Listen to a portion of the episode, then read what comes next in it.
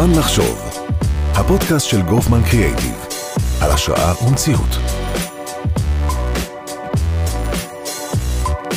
שלום וברוכים הבאים לפרק נוסף בפודקאסט זמן לחשוב. איתנו היום נמצאת אה, דוקטור יעל סער קוסטיס, חברת ועד האיגוד הישראלי לרפואה תעסוקתית ורפואה תעסוקתית בכירה. שלום יעל. שלום ליאון. מה קורה? מעולה, תודה. אה, קודם כל כיף לארח אותך. אה, אנחנו היום נעסוק בכמה תחומים שעיקרם יהיה הרפואה התעסוקתית ובטיחות במקום העבודה.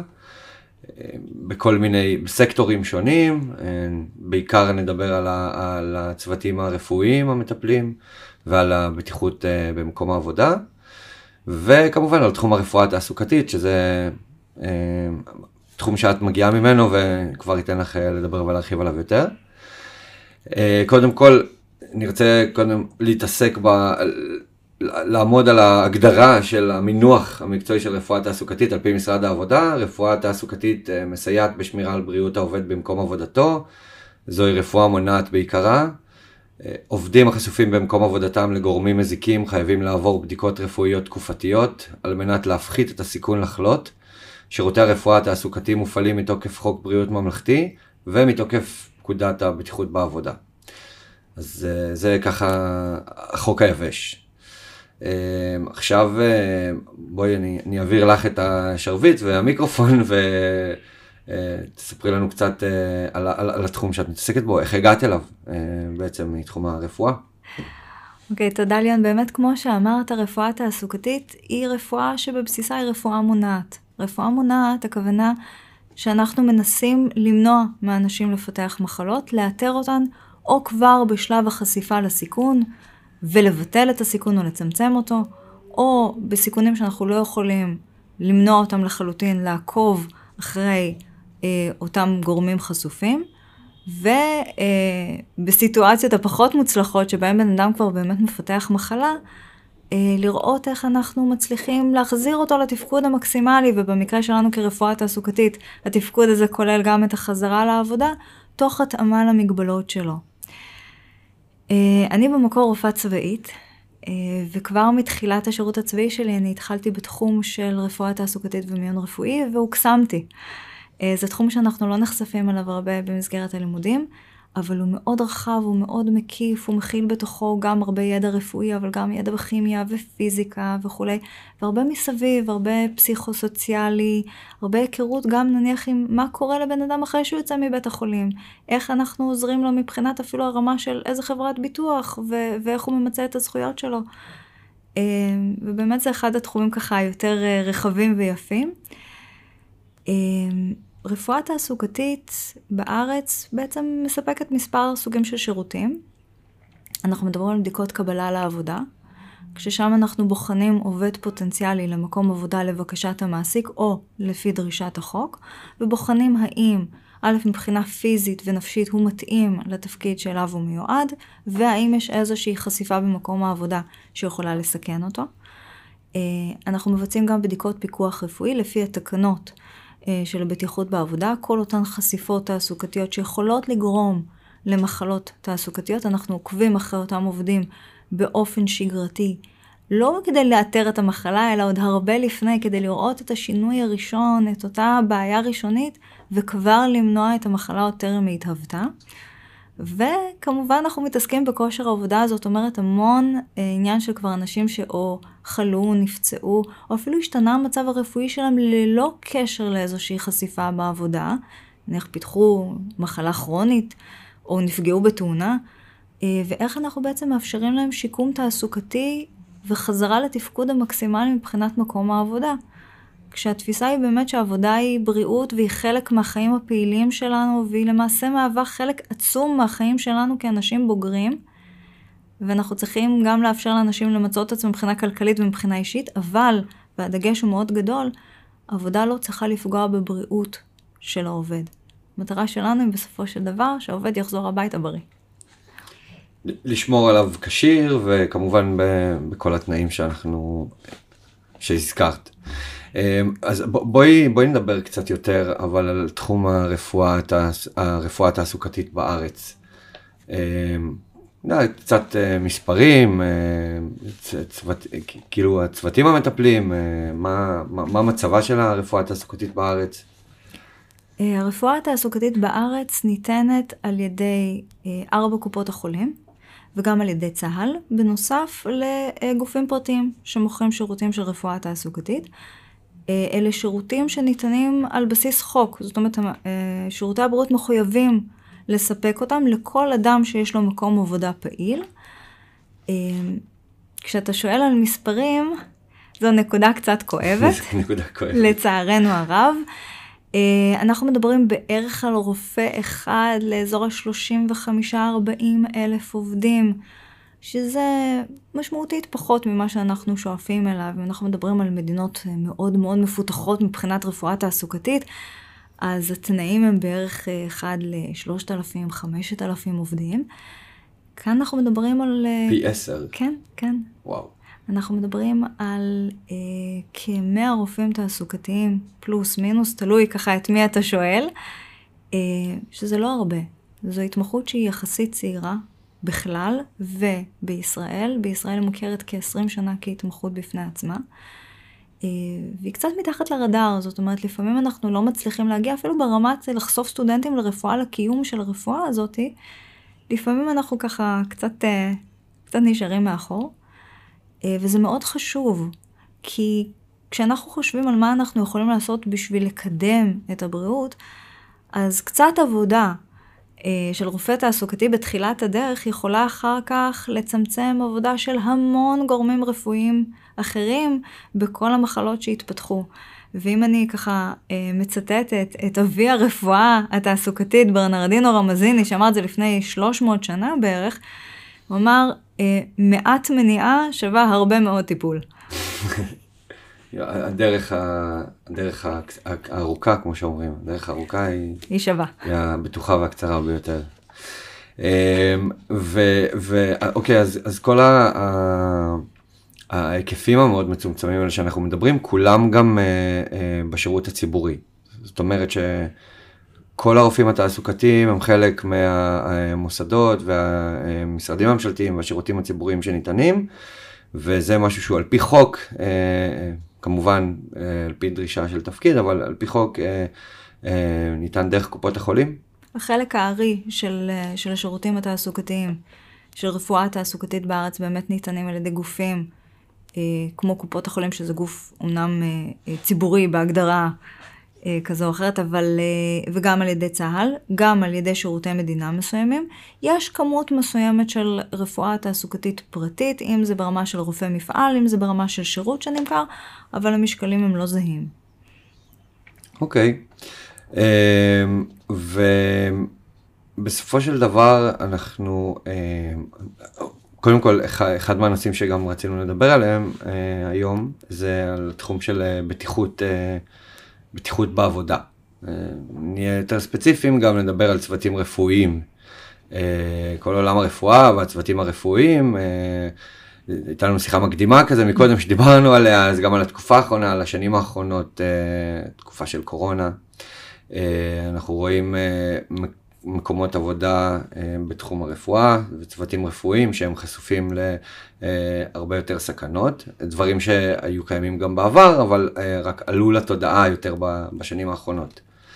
אה, אז, אז בוא- בואי, אם אנחנו גולשים מתחום הרפואה התעסוקתית אה, לתחום שלנו, שזה רפואה, אה, מה, מה הם הדגשים, אה, מה הם, ה, ה, בוא נגיד, הכותרות של אה, בתחום, אה, שאנחנו יודעים עליהם שהם כבר היום גם נלמדים בבתי ספר לרפואה וגם עוברים לצוותים רפואיים בתחילת עבודה במקומות מסוימים. נעשה כזה קצת סדר, נראה לי עשיתי את זה טיפה מסועף. אז באמת אמרת נכון שהקורונה עם כל הדברים הרעים שהיא הביאה, שמה איזשהו זרקור מסוים על מערכת הבריאות, ובעוד שאני חושבת שרוב האנשים אה, מודעים לזה שחלק לא מבוטל מהעבודות, יש להן איזשהו אה, גורם סיכון תעסוקתי. אה, אני לא אפתיע אף אחד אם אני אגיד שנניח עובדי בניין נמצאים בסיכון מוגבר, או כבאים, אבל פתאום אנשים הסתכלו גם על עובדי מערכת הבריאות בצורה אחרת. האם עד עכשיו, כשדיברו על הסיכונים של עובדי מערכת הבריאות, דיברו בעיקר על זה שהם עובדים עבודת משמרות והם מאוד מאוד עייפים ומותשים, ושהם חשופים לפעמים לאינטראקציות uh, קצת יותר אלימות, אלימות, נגיד את זה ככה.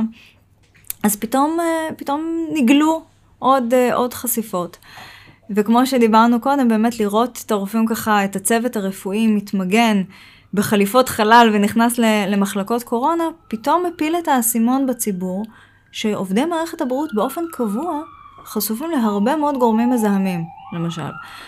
אה, אם אנחנו מדברים על מה שאנחנו יודעים עליו ברמת הרפואה התעסוקתית, ברמת הבטיחות בעבודה, אנחנו מזהים הרבה מאוד גורמים מסוכנים שעובדי מערכת הבריאות חשופים אליהם. זאת אומרת, יש המון חשיפה לכימיקלים, אה, אם זה במסגרת מעבדות, אבל אם זה גם במסגרת טיפולים שניתנים למטופלים והמטפלים חשופים אליהם. כל העניין של זיהומים ביולוגיים שתכף אה, נרחיב עליהם, חשיפה לקרינה מייננת, ארגונומיה שהיא מאוד בעייתית, סטרס מאוד גדול בעבודה. אנחנו לא מדברים רק על בוא נציל חיים, אנחנו מדברים לפעמים גם על התמודדות עם כישלון ובשורה מרה באופן קיצוני. אלה אומנם אה, עובדים שהם סופרמנים וכולי, אבל הם בסופו של דבר בני אדם. אה, אז בעצם מבחינתנו כל הדברים האלה נמצאים על השולחן אה, באופן יומיומי וקבוע. אה, אני חושבת שאחד הדברים ככה שבאמת צף מבחינת הקורונה זה החשיפה לגורמים מזהמים במסגרת העבודה, ואנחנו רואים כל מיני סוגים של חשיפות לגורמים מזהמים. ש, שחשיפות לגורמים מזהמים או זיהומים, כמו שהגדרת את זה מקודם, זה, זה הנושא העיקרי, זה הסכנה העיקרית של החשופים הצוותים הרפואיים. בעבודה שלהם, כי הרי הסיפור התחיל אה, אה, שדיברנו על אה, דקירות ממחטים, שזה משהו שהוא יותר נפוץ. נגיד את זה ככה, ויש גם את הדרך להתמודד עם זה. אבל... אמרת הכי נפוץ, אני לא יודעת אם ההגדרה הנכונה היא הכי נפוץ, אבל א', נפוץ מאוד, ומה שכן, אה, זו חשיפה שהיא הרבה יותר ייחודית. אולי גם המחשבה על זה שאנחנו, הרי יש לנו גם בתור בני אדם שהם לא צוותים רפואיים, פחד מדקירות מחטים לצורך העניין, אז אולי, אולי זה משהו שאת יודעת, מהדהד יותר לאנשים כדי להבין כמה, את יודעת, איזה נקודה כזאת כניסה לתוך העולם הזה של מה הסכנות של צוותים רפואיים, עם מה צריך להתמודד באמת, אז... אה, אמ, בואו ננסה ככה להסתכל מהצד השני של המחט. אוקיי. אה, בשבילנו כשאנחנו הולכים לעבור איזושהי פרוצדורה פולשנית, ובואו ככה נרחיב טיפה. יש כל מיני סוגים של פרוצדורות פולשניות. אם אנחנו מדברים על אה, 200 אלף עובדי בריאות בישראל, 20 אלף מתוכם מוגדרים כאלה שמבצעים משהו שנקרא פפמ"ח, פעולות פולשניות מועדות חשיפה. זה אומר לא רק שאני... על בסיס יומי. על בסיס יומי. אה, לא רק שאני... אה, חודר את, אה, את הרקמות של האדם שאני מטפל בו. אני גם לא בהכרח רואה כל הזמן מה אני עושה. עובדי פפמ"ח הם כאלה שלפעמים לא נשמר הקשר בין העין לבין היד המבצעת את הפרוצדורה. למשל כירורגים, למשל מיילדות, למשל רופאי שיניים, אוקיי? אנשים שלפעמים במהלך מה שהם עושים, לא רואים במאה אחוז את היד שמבצעת את הפרוצדורה. וזה בעייתי מאוד, כי אתה אומר, אנחנו מפחדים מלהידקר אז תתאר לעצמך כשאתה מחזיק כלי חד ביד ומבצע משהו שהוא בדרך כלל מאוד מאוד עדין ומאוד מאוד מדויק, ואפילו לא רואה. זה מצריך כמובן הכשרה מאוד מאוד משמעותית של הצוותים הרפואיים. מה זה אומר אבל לא רואה? זה אומר שלמשל, אה, אם אני עכשיו מבצעת טיפול שיניים, אוקיי? יכול להיות שבנקודה מסוימת אני אהיה מסוגלת להכניס את האצבע לאזור אחרי חרך, להרגיש משהו, אבל אין לי דרך טובה לראות, אפילו אם אני משתמשת באותה מראה קטנה ככה שזה. בחדר ניתוח מאוד מאוד ברור, לפעמים הכירורג צריך לבצע פרוצדורה כשהוא נניח מכניס את היד לתוך אזור מסוים בגוף, ולא תמיד רואה. אנחנו נסמכים מאוד גם על חוש המישוש. מיילדת ב, אה, בחדר לידה, לא צריכה להגיד לך שאין להם שם מראות של משאית שמכוונות את, ה, את מהלך הלידה. אני מניח. מניסיון, בפעם האחרונה שבדקתי לא היו. אמ, וזה אומר ש... ושוב, כמובן שרוב הפרוצדורה מתבצעת כשיש את הקשר הזה, אבל יהיו את אותם רגעים שבהם אין לי את היכולת הזאת לראות את המחט, את היד המבצעת, וזה מעמיד אותי בסיכון מוגבר לדקירה. עכשיו, זה נכון... דקירה גם בתור מושג, כי את חשופה להרבה דברים אחרים מעבר לדקירה. נכון, לדקירה, לפציעה. אה, עכשיו, אף אחד, כמו שאמרת, לא, לא חולם להידקר. זה תמיד נחשב למשהו שהוא, שהוא בעייתי מבחינתנו, אנחנו רוצים להימנע ממנו, אבל עבור אה, עובדי מערכת הבריאות, יש פה עוד נדבך מסוים. זאת אומרת, דבר ראשון, כשעובד נדקר במסגרת העבודה שלו, יש פה איזשהו אלמנט של, אוקיי, קרה לי משהו שלא אמור לקרות לי בעבודה. גם מבחינת, קרתה לי תאונת עבודה, גם מבחינת מקצועית כרגע, זה, קרה לי משהו שלא היה אמור לקרות. לפעמים זה לחלוטין לא בשליטתו של מבצע הפעולה. נניח, אה, אם אנחנו מדברים על מחלקה פנימית, שלוש בלילה, אה, אנחנו מנסים להכניס ונפלון לאדם בן 80 שלא יודע איפה הוא נמצא והוא מתנגד והוא זז, וזה ממש לא אשמתו ולא אשמתנו, ו- ומבצע הפרוצדורה נדקר.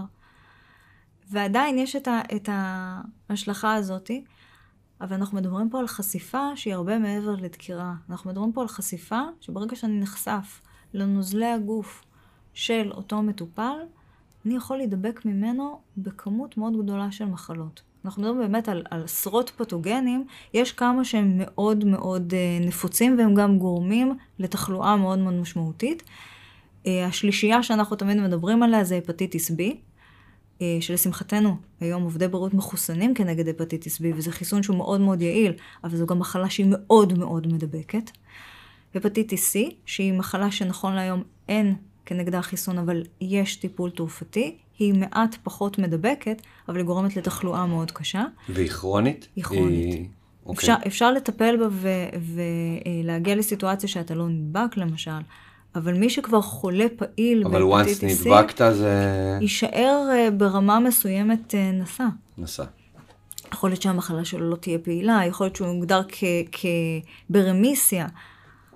אמ, אבל בדיוק כמו אם אנחנו מדברים, אז עוד מחלה אחת שככה הייתה מאוד מאוד מפחידה בעבר והיא עדיין מפחידה גם היום, זה ה-HIV, AIDS, שהיא אומנם משמעותית פחות מדבקת. כשאנחנו מדברים על מדבק, אז דקירה אה, של אדם לא מחוסן מאיזשהו כלי חד שבא במגע עם נוזלי גוף של מישהו נשא של הפטיטיס B, אנחנו מדברים על 30% הדבקה, זאת אומרת, אחת מכל שלוש דקירות.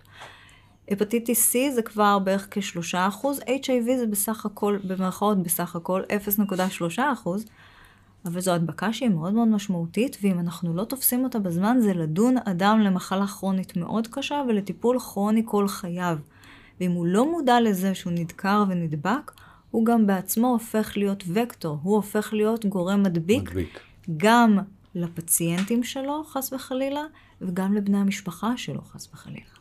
ומה הנוהל במצב כזה שהוא קורה? אה, קרה והרופא נדקר? קיים נוהל מאוד ברור מבחינת מה שמשרד הבריאות ממליץ לבצע.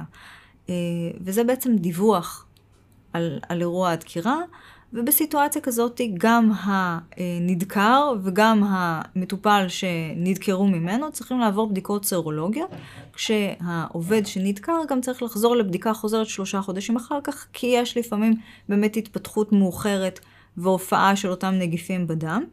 זה מחייב דיווח, אתה אמור למלא טופס תאונה. Uh, הבעיה היא שבשטח זה לא תמיד עובד ככה. Uh, דבר ראשון צריך להבין, כשאנחנו, כשאנחנו דורשים איזשהו דיווח, כשאנחנו מבקשים אה, התייחסות למשהו שהוא למעשה תאונת עבודה, אה, החוק מחייב אותנו לדווח על כל תאונת עבודה, וזו תאונת עבודה פר סה. אבל אנחנו דבר ראשון מגיעים לסיטואציה שמה שאנחנו מבקשים מהעובד לעשות, זה מאוד מורכב ומסורבל.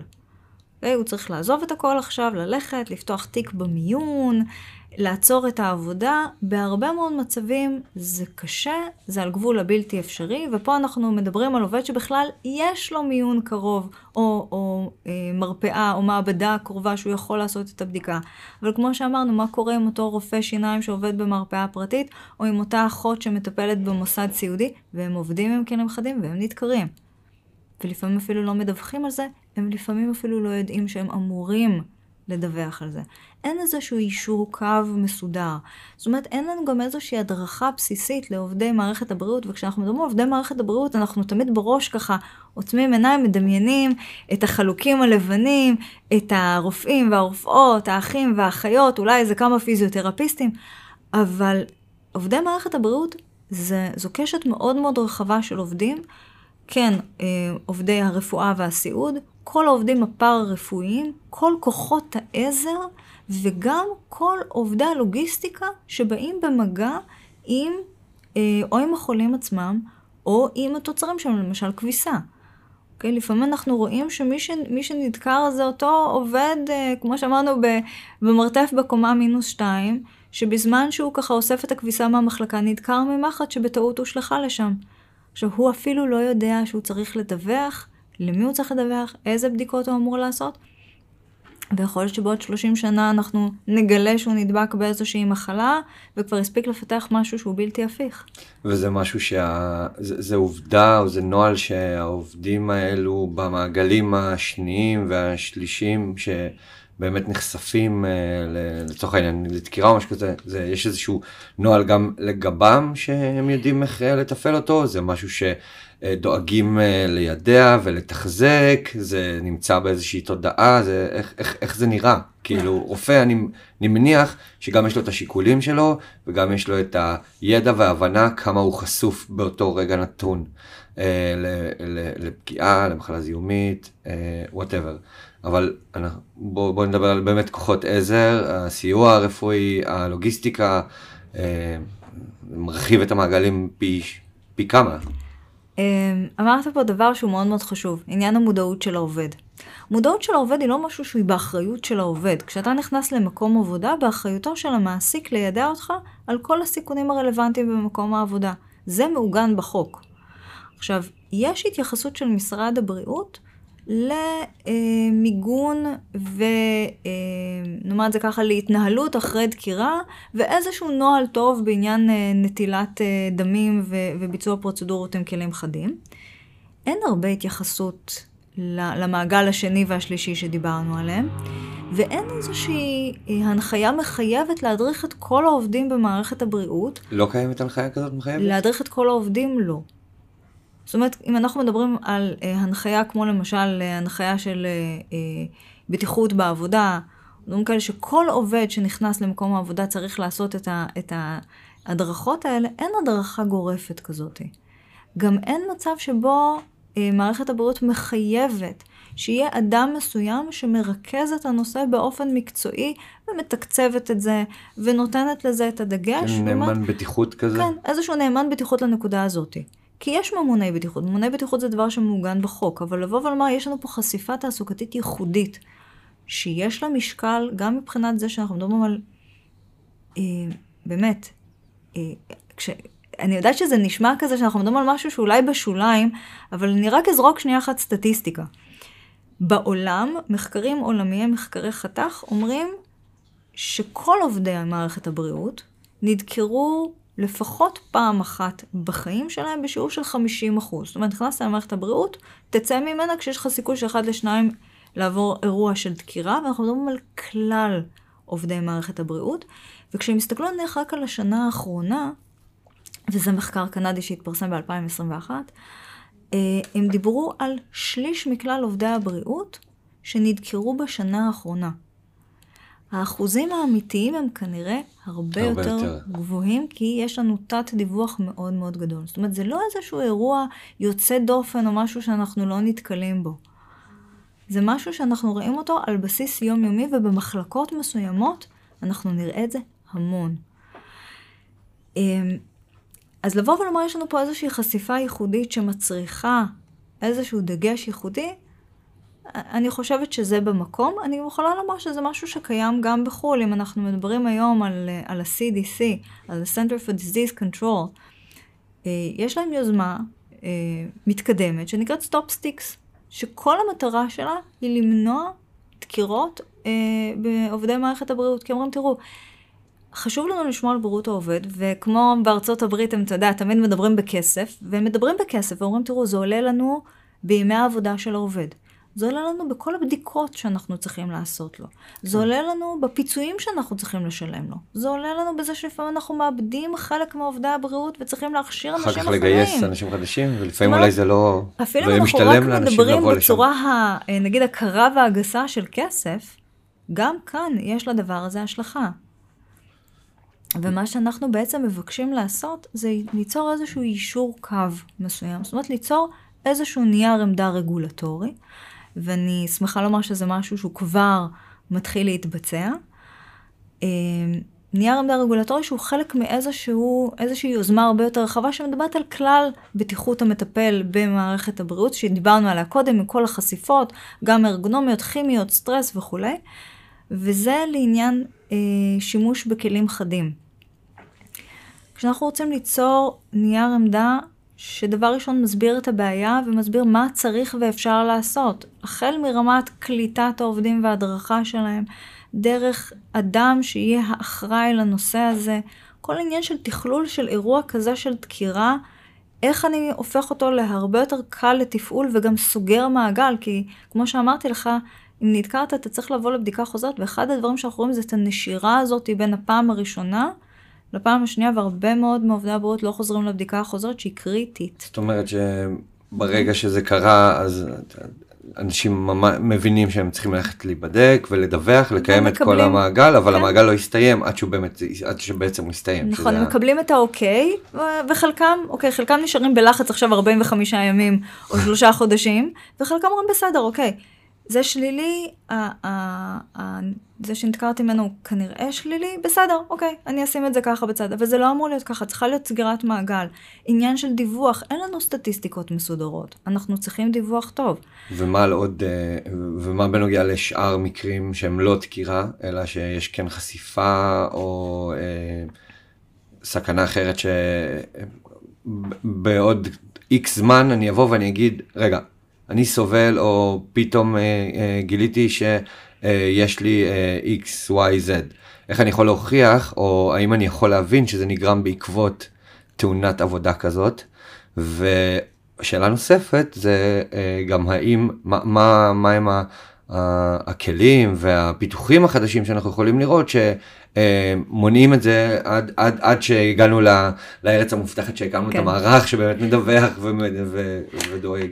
אז זהו, באמת, זאת אומרת, עד עכשיו אנחנו גם דיברנו כאן הרבה על העניין של, אה, של החלק השלישוני, מה קרה אחרי שכבר נדקרתי. אבל בוא נגיד, כמו שאני ככה קופצת קודם לשאלה השנייה שלך, המונעת. המונעת. אה, עד עכשיו דיברתי איתך הרבה על מניעה ראשונית ברמה של חינוך, ועל מניעה שלישונית ברמת הנפגע כבר, הנדקר. אבל יש לנו אפשרות גם לצמצם בצורה משמעותית את אירועי הדקירה, אם אנחנו פשוט מטייבים את, אה, נניח, את הכלים שאנחנו משתמשים בהם, את המערכות שאנחנו משתמשים בהם. אה, בהרבה מאוד אה, מקומות בארץ וגם בעולם אנחנו רואים כניסה של מחטים שהן יותר בטיחותיות. יש כל מיני טכניקות, זה מאוד מותאם לפרוצדורה שאני רוצה לבצע. תני לנו סתם איזושהי דוגמה. למשל, מצב של- שבו אם אני מבצעת אה, אה, דקירה, אז יש לי מחט שעליה מתלבש באופן אוטומטי נדן בשנייה שאני מוציאה את המחט מהמטופל. או מצב שאם אני לא יכולה שזה יהיה אוטומטי, יש לי חצי אוטומטי, שאני סוגרת את הנדן עם האצבע, אבל זהו, באותו רגע כבר אין לי יותר סיכון של דקירה. כי מה קורה? בדרך כלל עובד הבריאות לא נדקר אה, בבואו לדקור, זה קורה לפעמים. מתי זה קורה? זה קורה או בזמן ביצוע הפרוצדורה או אחרי.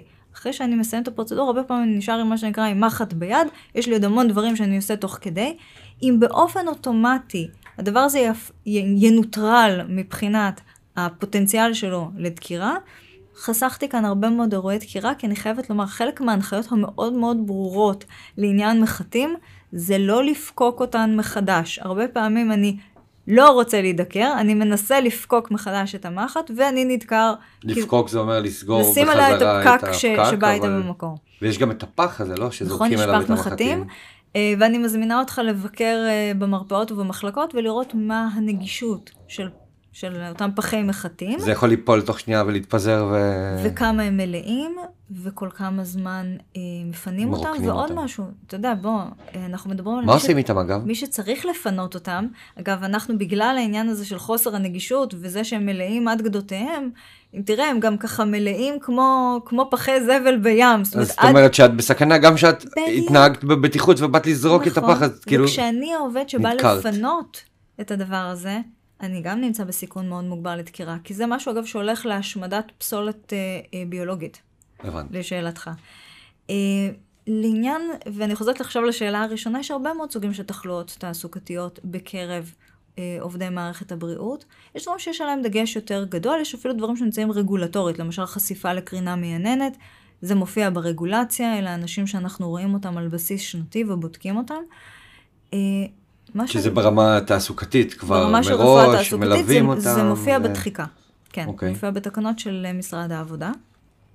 ויש באמת את אותם דברים שהם קצת יותר רכים, או שאנחנו מגלים את המשמעות שלהם יותר בעשורים האחרונים, כמו למשל סטרס, עבודת משמרות, שזה גם משהו שיותר קשה לנו לכמת אותו לפעמים. זאת אומרת, כשאנחנו באים להעריך סיכון, אז לא די בכך שאני אומר, אוי, זה מסוכן, אני גם צריכה לשים איזשהו סף מסוים שממנו הסיכון הזה כבר הופך להיות סיכון מוגבר למחלה.